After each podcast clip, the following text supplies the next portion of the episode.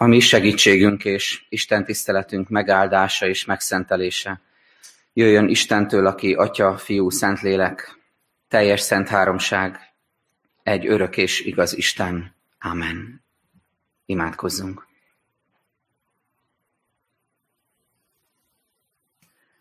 Urunk Istenünk, köszönjük neked, hogy te olyankor is pontosan tudod, hogy mi van a, a szívünkben, amikor nagyon nehezen tudjuk megfogalmazni az érzéseinket, gondolatainkat, amikor nehéz kimondani szavakat, amikor nehéz szavakba önteni azt, ami zajlik bennünk.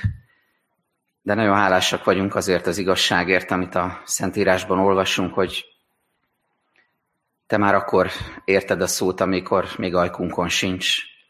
Te már akkor hallod a kérésünket, amikor meg se fogalmaztuk. És olyan jó, hogy jöhetünk most mégis eléd, néha talán botladozva, esetlen szavakkal megfogalmazva azt, ami bennünk van, és elmondhatjuk neked ezt egészen őszintén és vágyakozó szívvel. Urunk, vágyunk arra, hogy kapcsolatban legyünk veled, vágyunk arra, hogy halljunk téged. Látjuk ennek a világnak a sok nyomorúságát, kuszasságát, látjuk a saját életünknek a a kuszaságát, és, és arra vágyunk, hogy, hogy valahogy minden letisztuljon, minden elcsöndesedjen, mint ahogy a, a vihar után, meg a, a szélvész után valahogy minden ugye elcsöndesedik erre a megtapasztalásra vágyunk lelkileg is. Urunk, ezért kérünk most, hogy jöjj, jöjj hozzánk egészen közel ezen az Isten tiszteleten. Légy velünk szent lelkeddel, ígéretet szerint, táplálj igéddel, és enged, hogy az a szó, amit hallunk, hadd legyen élet számunkra, hadd segítsen abban, amiben éppen szükségünk van rá, hadd erősítsen meg minket, hadd adjon bizonyosságot, bátorságot, bölcsességet a döntéseinkben. Urunk, arra vágyunk, hogy ne, nem csak arra vágyunk, hogy valamit kapjunk tőled, hanem rád vágyunk, a te személyedre és a veled való kapcsolatra. Kérünk, ajándékozz meg önmagaddal, és enged, hogy, hogy testvéri közösségben, itt a gyülekezet körében is tudjunk együtt növekedni, hogy ne csak individuális pályafutásként képzeljük el a kereszténységet, hanem lássuk meg, hogy, hogy ez egy közösségi útonjárás is, ahol együtt is növekedhetünk, fejlődhetünk, formálódhatunk egymás által is. Légy velünk, Urunk, és szólíts meg minket. Amen. Isten igét olvasom a cselekedetek könyvéből, a 16. részből, a 23. verstől a 34. versig. Néhány héttel ezelőtt olvashattuk ezt a történetet, hallgassuk figyelmes szívvel. Sok ütést mértek rájuk, majd börtönbe vetették őket, és megparancsolták a börtönőrnek, hogy gondosan őrizze őket. Az pedig, mivel ilyen parancsot kapott, a belső börtönbe vetette őket, és lábukat kalodába zárta. Éjféltájban Pál és Szilász imádkozott, és énekkel magasztalta az Istent, a foglyok pedig hallgatták őket. Ekkor hirtelen nagy földrengés támadt, úgyhogy megrendültek a börtön alapjai, hirtelen kinyílt minden ajtó, és mindegyikükről lehultak a bilincsek. Amikor a börtönőr felriadt álmából, és meglátta, hogy nyitva vannak a börtönajtók, kivonta a kardját, és végezni akart magával, mert azt hitte, hogy megszöktek a foglyok. Pál azonban hangosan rákiáltott. Ne tégy kárt magadban, mert valamennyien itt vagyunk. Ekkor az világosságot kért, berohant, és remegve borult Pál és Szilász elé. Majd kivezette őket, és ezt kérdezte. Uraim, mit kell cselekednem, hogy üdvözüljek? Ők pedig így válaszoltak. Higgy az Úr Jézusban, és üdvözülsz mind te, mind a te házad népe. Ekkor hirdették az Isten igét neki, és mindazoknak, akik a házában voltak. Ő pedig magához fogadta őket, az éjszakának még abban az órájában. Kimosta a sebeiket, és azonnal megkeresztelkedett egész háza népével együtt. Azután házába vitte őket, asztal terített nekik, és örvendezett, hogy egész háza népével együtt hisz az Istenben. Ez Istenünk igéje.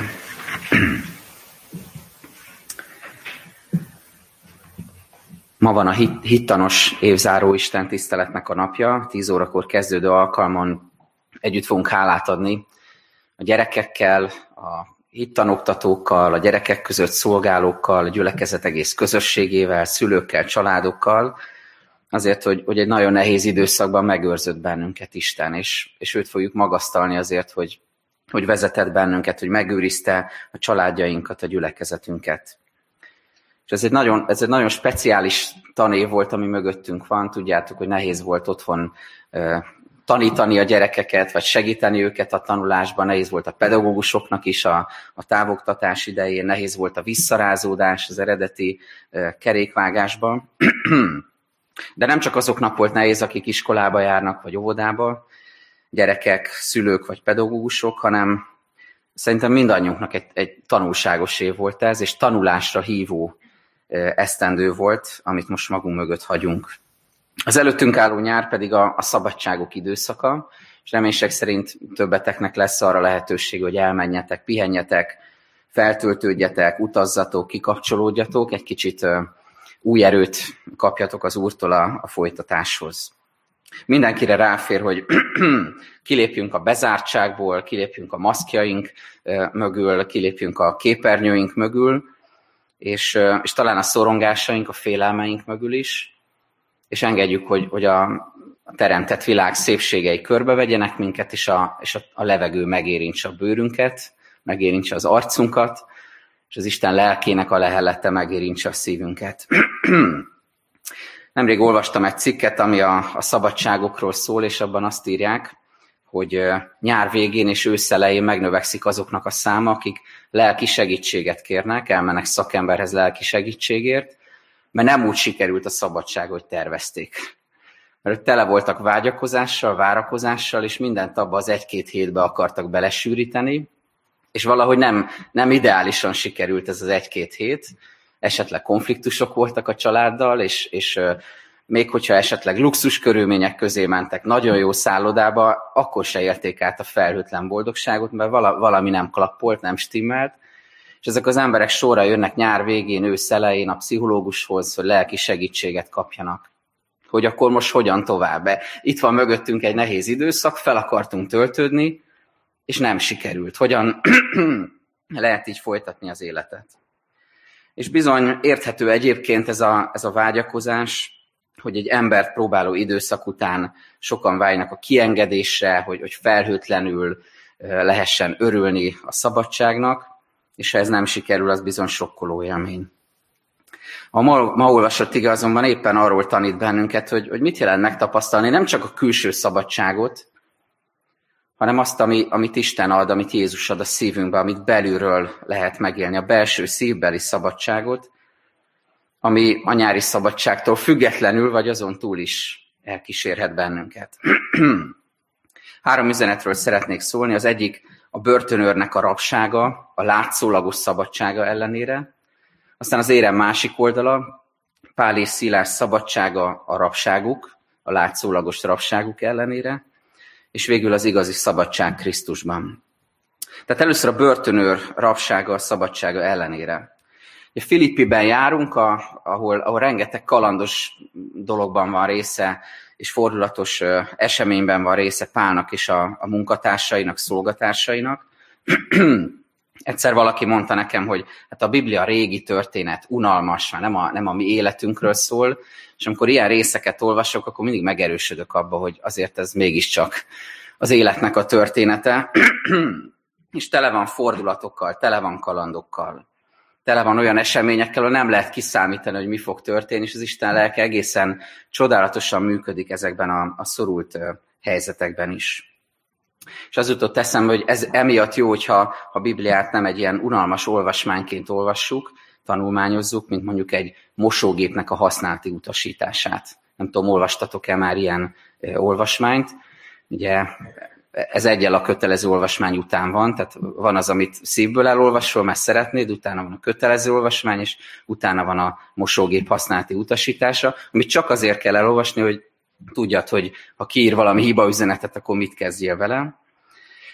De, de hát a Biblia az, az, az nem ezért olvassuk. És én azt látom, hogy mégis van, aki így olvassa. Van, aki a kezébe veszi, és, és csak akkor veszi a kezébe, ha megjelenik valami hiba üzenet az életben, és akkor megnézzük, hogy mit is kéne csinálni, mit is mondott erről Isten. És akkor elolvassunk egy részt, és úgy gondoljuk, hogy na most akkor megvan a megoldás. Pedig a Biblia az életbeszéde, és Pálapostól életén keresztül, nagyon fordulatos, kalandos történetén keresztül is tanít minket az Úr. És arra sarkal, hogy naponként olvassuk a Szentírást. Mit látunk tehát Filippiben? Pált és a munkatársait megszégyenítik, sok botütést mérnek rájuk, ugye kicsit később kiderül, hogy, hogy véresre verik őket, ez abból derül ki, hogy majd a börtönőr kimossa a sebeiket és gyógyítja őket. Szóval véresre verik őket, börtönbe zárják őket, és felforgatónak bélyegzik őket. Ezt a kifejezést használja az írás, hogy, hogy ezzel vádolták őket, hogy felforgatják a várost. És ha ebbe belegondolunk, akkor másik irányból közelítve valóban ez történik Filippiben, mert megjelenik az evangélium, belép az emberek életébe Jézus Krisztus, és ez nyilvánvalóan sok mindent felfordít, felforgat, jó értelembe véve, és megváltoztat. És itt van ez a börtönőr, akire egy fontos feladatot bíznak, hogy ezeket a VIP foglyokat, ezeket az apostolokat, akiket felforgatással vádolnak, őket rendkívüli módon őrizze. És mit látunk? Azt látjuk, hogyha végigolvassuk a történetet, hogy ötszörösen bebiztosítja ez a börtönőr, hogy minden rendben legyen, hogy, hogy végig véletlenül se legyen itt semmi probléma és szabadulás. Először azt olvassuk, hogy megbotozták őket. Hogyha valakit megversz, ha valaki, valakit fizikai bántalmazásért, az eleve meg van törve, lelki értelemben is. Megbotozták őket. Utána börtönbe vitték őket. Aztán azt olvassuk, hogy gondos őrizet alá vonták őket. Utána azt, hogy a belső börtönbe vitték őket, vagy vitte őket a börtönőr. Nyilván volt egy belső rész, ahol, ahol még szigorúbban lehetett őrizni a foglyokat, és végül még azt is olvassuk, hogy kalodába zárta a kezüket meg a lábukat. Tehát esélytelen a szabadulás. Ötszörösen bebiztosított védelem. és azt látjuk, hogy ez a börtönőr, aki látszólag szabad ember, hiszen szabadon rendelkezik az életével, nem ő van a rácsok mögött, igaz parancsokat kell teljesítenie, engedelmeskednie kell a felsőbbségnek, a feljebb valóknak, de mégiscsak ő van a rácsoknak a jobbik oldalán. Ez, ez az ember kiderül, hogy lehet, hogy mégsem szabad. És ez egy nagyon érdekes pontja a történetnek, hogy látunk valakit, aki rendelkezik a foglyok élete fölött, aki bánthatja őket, aki bezárhatja őket, aki elveheti a szabadságukat, parancsot teljesítve, de mégis ő teszi meg. Ez az ember ott áll egy nagy káosz közepén, amikor megrendül a föld, amikor megnyílnak a, a, a, a tömlöc, a, a börtönrácsok, és látszik, hogy teljesen elveszett ebben a káoszban. És hogy rabja a körülményeknek, és rab, rabja mindannak, ami, ami fogva tartja az életét. Kiderül, hogy az, a, az az ember, akit szabadnak látunk, valójában rab a félelmeinek, az elvárásoknak, hirtelen rászakadt, hogy, hogy, hogy mekkora felelősséget kaptam, és elrontottam, mi lesz velem, mit fogok így tenni. Látszik tehát, hogy egy, a, akit szabadnak látunk, az valójában rab. Érdemes végig gondolni, és itt már a mi életünkhöz kapcsolódunk, hogy ma Magyarországon 2001, 2021 nyarának a kezdetén, amikor bárki bármit mond, bárki bármit mond, egy szabad világban élünk, egy szabad világban élünk itt Magyarországon, de vajon tényleg szabadok vagyunk-e? Gondolt végig, hogy mi minden tarthat fogva, ami elveszi a szabadságodat, amikor közben arra vágysz, hogy végtelen szabadságot él át. Mi tarthat fogva? Elvárások, függőségek, szorongások, ami most sokunkra sokféle értelemben lehet jellemző, betegségek, amelyek bezárnak, rossz gondolatok, terhek, harag, félelmek, szokások, amit mindig így csináltam, és nem tudok tőle szabadulni, még akkor is a rossz szokás, rossz beidegződések. Annyi minden van, ami a látszólagos szabadságunk ellenére rabbá tud tenni bennünket. Az első üzenet, amikor ránézünk erre a börtönőre, és az ő szabadságára, illetve rabságára, hogy adjunk hálát, hogy fizikailag szabadok vagyunk, hogy nem vagyunk korlátozva, hogy rengeteg lehetőségünk van most már, de gondoljuk végig, hogy lelkileg is szabadok vagyunk-e, hogy van-e igazi szabadságunk Krisztusban. Majd mindjárt fogjuk látni, hogy mit is jelent ez, de most nézzük meg az érem másik oldalát. Tehát láttunk egy szabad embert, akiről kiderül, hogy igazából rab, és látunk rabokat, akikről kiderül, hogy szabadok. Pál és Szilász a börtönben. És igazából a börtönőrnek a, a rabságát, a szabadsága ellenére éppen az apostol és a munkatársai különös jelenléte, speciális jelenléte felől értjük meg. Mert hogy megtörténik a csoda, megrendül a föld, kinyílnak az ajtók, lehullanak a bilincsek, és azt látjuk, hogy mielőtt ez megtörténik, Pál és Szilász énekkel dicsőítik az urat, Isten dicsérő énekeket énekelnek szívükből, miután megtörténik a csoda, és miután kinyíltak a, a, a börtönajtók, utána pedig a helyükön maradnak. És nézzük ezt a jelenetet, és nem igazán értjük, hogy itt mi történik. Miért történik ez így? megszoktuk már a Bibliát olvasva, hogy, hogy vannak ilyen fordulatok, vannak szokatlan cselekedetek az Isten emberei életében, de legalábbis én, amikor ezt olvastam, azt mondtam, hogy azért ez már túlzás. Az ennyire nem lehetnek jó emberek, hogy, hogy megnyílik a, a börtönajtó, és lehetne szabadulni, és tízből kilencen még az apostolok közül is szerintem simán kihúznának, és azt mondanák, hogy szabadok vagyunk, ráadásul történt... Bocsánat. Történet folytatásából kiderül az is, hogy azért Pálapostolban van igazságérzet, és szeretné helyére tenni a dolgokat, olvassátok el, majd ott van. És itt mégis valamiért ő és Szilász a helyükön maradnak, ráadásul a többi rab is ott marad velük. Felmerült tehát bennünk, hogy azért ez már túl szép, hogy igaz legyen. Oké, okay, hogy énekelnek a templomban, rendben, hogy, hogy szívükből dicsérik az urat, és magasztalják őt zsoltárokkal, énekekkel, de most ez, ez vagy egy ilyen idegesítő tökéletesség, amit látunk Pál és a munkatársa életében, vagy pedig lúzerség egyszerűen, hogy, hogy ott maradnak és nem élnek a lehetőséggel. De egy picit a mélyre nézzünk, hogy miért történik mindez, akkor két választ látunk. Az első csak rövidebben mondom, más, másikat kicsit hosszabban. Az első válasz, hogy miért teszik ezt, az a belső szabadság. A szívnek a szabadsága. Mert van, amit nem lehet bebörtönözni. Van, amit nem lehet elvenni az embertől. Tudjuk a történelmi korokból is, nem is olyan régről is, 50 évvel vagy 60 évvel ezelőttről is, hogy, hogy be lehetett börtönözni embereket, de a szívüket, a lelkiismeretüket nagyon sok esetben nem lehetett elvenni, nem lehetett megtörni őket. Mert nem a rácsok vagy a kaloda határoz meg bennünket. Van, amit nem lehet elvenni, akkor, hogyha az embernek a szívében igazi szabadság van. Ez az egyik válasz. Nagyon egyszerű, de mégis nagyon erőteljes válasz. A szívük szabadsága miatt történik, amit tesznek. De a másik válasz, amiről egy picit hosszabban szólok, hogy ez a csoda, ami megtörténik velük, ez nem öncélú. És nagyon érdekes volt végignézni, végig gondolni ezt a jelenet sort, hogy mi miért történik ebben, és hogyan vannak ebben jelen pálék. Először is ki a főszereplőjének a történetnek. Nyilván a hittanosoktól kérdezem majd tízkor, akkor rögtön rávágják, hogy Jézus, mert ugye mindig ez a válasz. Ki a főszereplő? Jézus, és tényleg így van. Az evangéliumban Jézus a főszereplő, és tényleg ő teszi a csodát, ő adja a szabadulást. Vagy esetleg Pál és Szilász? Hiszen róluk van szó, ők, ők énekelnek, ott ők, ők vannak a frontvonalban. Persze, ők is.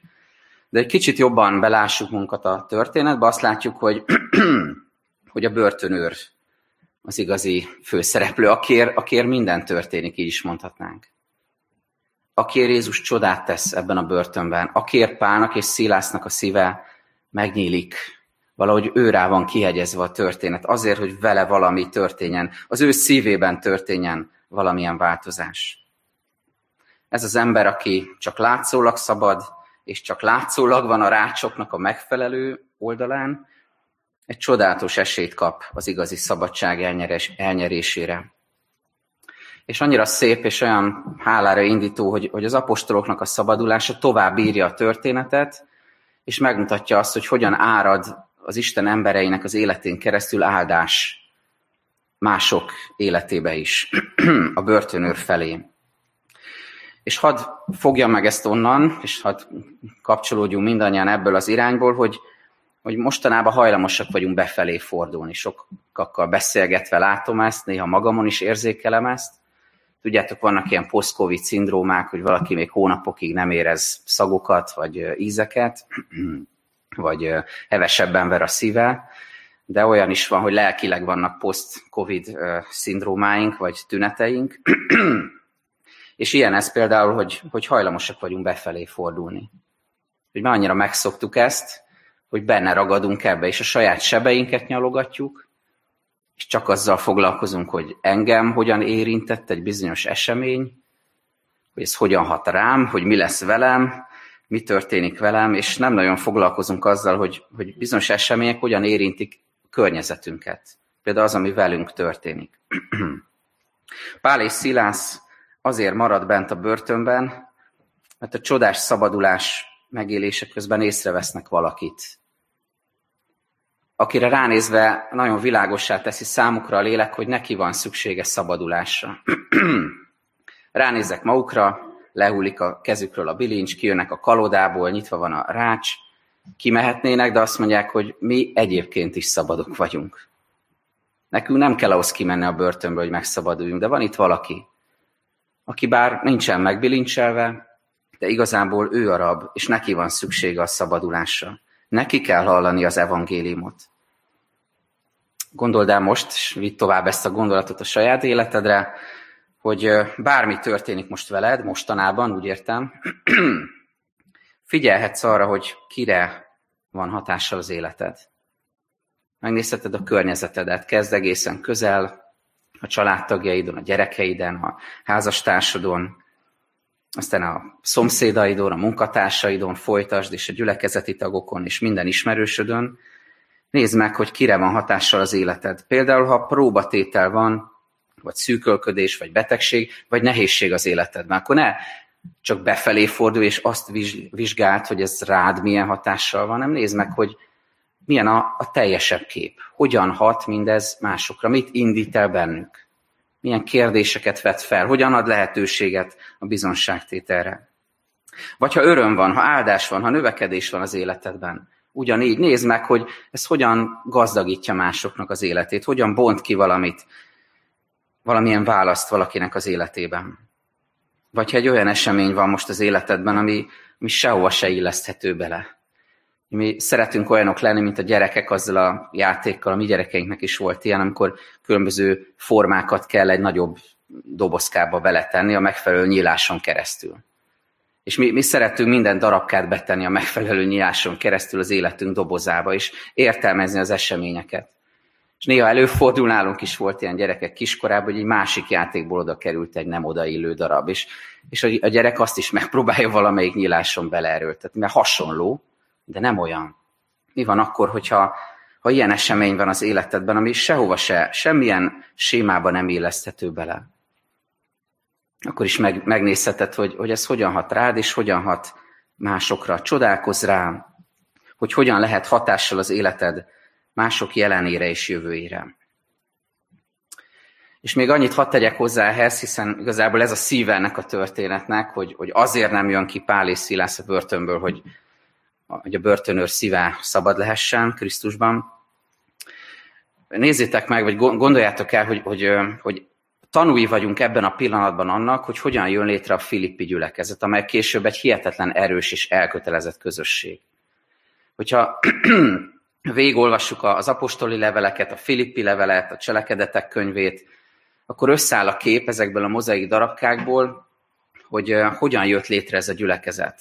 Olvasunk Lídiáról, talán róla többet hallottatok, egy gazdag, messziről jött bíborárus asszony, aki, akinek a szívét megérintette Isten, és megnyitotta az otthonát az apostolok előtt, és létrejött egy házi gyülekezet Filippiben.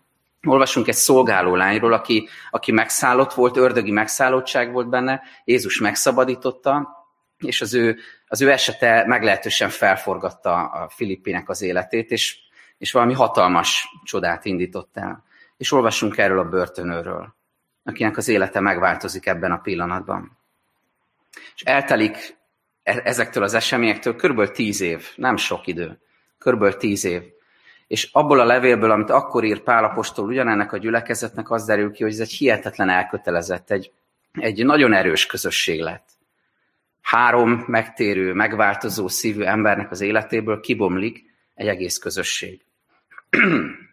És ezt a, a börtönőr esetén keresztül is szemlélhetjük, hogy ez onnan indul, hogy Pál és Szilász a börtönben nem azzal vannak elfoglalva, hogy mi hamarabb kiszabaduljanak, hanem meglátnak valakit, aki felé szolgálhatnak.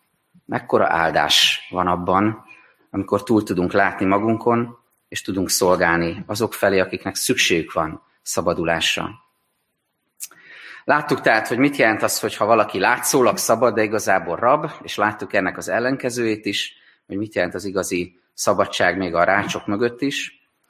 Az utolsó kérdésünk pedig, hogy mi is az igazi szabadság Krisztusban. Nézzétek meg a 30-31. verseket. Kivezette őket, és ezt kérdezte, Uraim, mit kell cselekednem, hogy üdvözüljek? Ők pedig így válaszoltak, higgy az Úr Jézusban, és üdvözülsz, mint te, mind a te házad népe. Az elején beszéltünk arról, hogy vágyunk arra, hogy szabadságra menjünk, hogy elutazzunk, és óriási dolog, hogyha ez így, így lehet az életetekben, hogyha nem kell beblokkolnod a munkára. Egyik ismerőse itt a gyülekezetben beszélgetve mondta, hogy mindig, amikor elkezdi a munkát, akkor be kell blokkolni online, ott kell lenni, és aki megy WC-re, vagy elmegy ügyeket intézni, ki kell jelentkezni. Hihetetlen rabság tud ez is lenni. Szóval, ha nem kell beblokkolnod a munkára, nem kell e-mailekre válaszolnod, nem kell reggeltől estig dolgoznod, nem kell óravázlatokat írnod, vagy ha diák vagy, akkor tanulnod, és így tovább. Kell céges problémákat megoldanod. De az igazi szabadság, és erre tanít minket ez a történet is, az nem itt kívül van, hanem belül. Az üdvösségben, a Krisztussal élt életben. És nézzétek meg, hogy, hogy ez mennyire, mennyire kézzelfogható, mennyire életszerű, mennyire valóságos, ahogyan ennek a börtönőrnek megváltozik az élete. Látunk valakit, aki kész arra, hogy megölje magát, amikor látja, hogy mi történt, hogy biztos kiszöktek a rabok, és, és biztos, hogy, hogy engem is el fognak ítélni. Nem bírja elviselni ezt a nyomást, félelmek, szorongás van benne. És hogyan változik meg az élete? Figyeljétek meg, verés helyett meggyógyítja Pált és Szilász, bekötözi a sebeiket. Ahelyett, hogy börtönbe vetette őket, most befogadja őket az otthonába, megvendégeli őket, az asztalához ülteti őket, családtaként kezeli őket, befogadja őket. És ahelyett, hogy félelem és öngyilkossági, önpusztító gondolatok lennének benne, igent mond az életre. És azt mondja, hogy mit kell tennem ahhoz, hogy üdvözüljek, mit kell tennem ahhoz, mondjátok meg, hogy életben maradjak, hogy a lelkem szabad és tiszta legyen hogy Krisztusé legyek. Igent mond az életre, keresi Istent. Mekkora változás. És ebben szeretnélek bátorítani benneteket, magamat is, mindannyiunkat, hogy bárhová mész szabadságra, vagy éppen dolgoznod kell, és nincs erre lehetőséged, vagy valamilyen közösségnek a tagja vagy, vagy a családodba mész most vissza, ezután az alkalom után, ne feledd, hogy a szívedben hordozott Krisztust. Bárhova mész, és bármit hoz az élet, a börtönben kell lenned, ha bezártságban vagy, ha megfosztanak valamitől, ha betegségben vagy, ha gyászolnod kell, ha elvesztettél valamit, ha kilátástalannak tűnik most az élet, hogyha ha nehéz döntéshelyzetben vagy, bármiben vagy, ne feledd, hogy a szívedben hordozott Krisztust, és ez az igazi szabadság. És hogy hogyan jelenik ez meg Pál és Szilász életében, újra visszautalok erre befejezésül, még mielőtt ez a nagy földrengés támad, és megszabadulhatnának, és megtérne a börtönőr, azt, azt olvassuk, hogy éjfél tájban Pál és Szilász imádkozott, és énekkel magasztalta az Istent. A foglyok pedig hallgatták őket. És csak ezt szeretném még megerősíteni mindannyiunkban, gyülekezetként is, hogy figyeljétek meg, hogy az ének, a zene, az Isten dicsőítés, az nem csak egy ilyen liturgikus kötelező elem, hogy én is mindig fölírom magamnak az Isten tisztelet menetét, és akkor kitöltjük, hogy hát itt egy éneknek kell lennie, mert hát így csináltuk tavaly is, meg 500 éve is, tehát itt kell, kell legyen egy ének. Tehát ez nem csak ennyit jelent. Hanem az ének, az, a zene, az Isten dicsőítés, hogy, hogy, hogy nagyon mélyről a szívünkből feljön egy, egy gondolat, egy, egy megtanult dallam, vagy csak dúdolunk valamit, vagy szavakba öntjük a, az imánkat, és éneklünk, ez az Isten dicsőítés, ez az igazi szabadság. ami, ami nagyon sok nehéz helyzetben átsegít bennünket. Eszedbe jut egy dallam, egy kedves ének, és figyeld meg, hogy milyen jó ilyenkor Isten dicsőíteni, és milyen jó kifejezni a szívednek a szabadságát, akkor is, amikor esetleg iszonyú nehéz körülmények között vagy egyébként. Kérjük tehát Jézust, hogy kísérje minket ezen a nyáron, adjon a szánkba Isten dicsérő éneket, és adjon a szívünkbe igazi Krisztusi szabadságot. Ámen. Legyünk csöndben az Úr előtt, és imádkozzunk.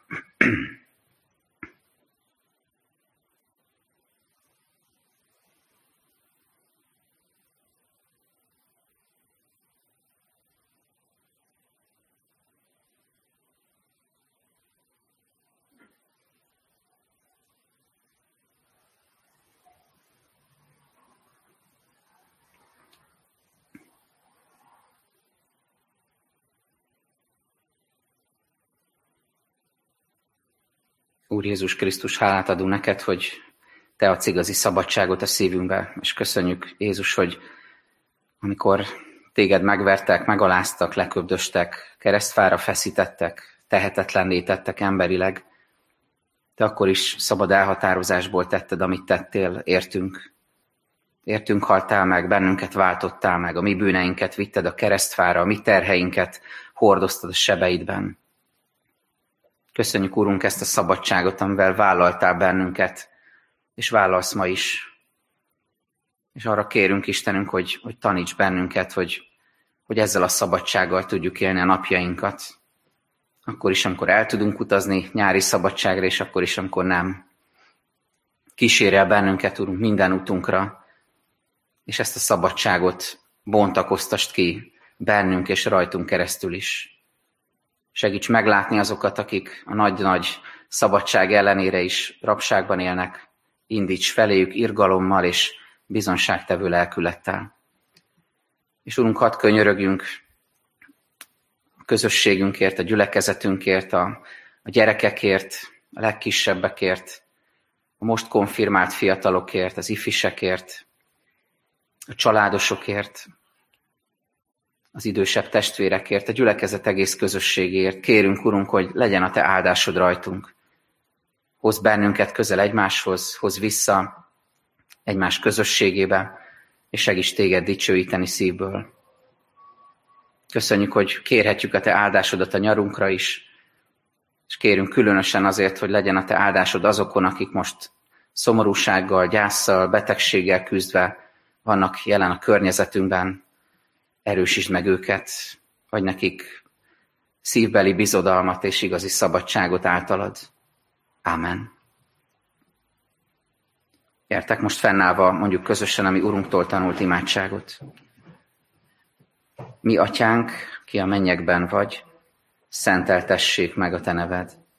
Jöjjön el a Te országod, legyen meg a Te akaratod, amint a mennyben, úgy a földön is. Minden napi kenyerünket add meg nékünk ma, és bocsásd meg a mi védkeinket, képen mi is megbocsátunk az ellenünk védkezőknek. És ne védj minket kísértésbe, de szabadíts meg minket a gonosztól, mert Téd az ország, hatalom és a dicsőség mindörökké. Ámen.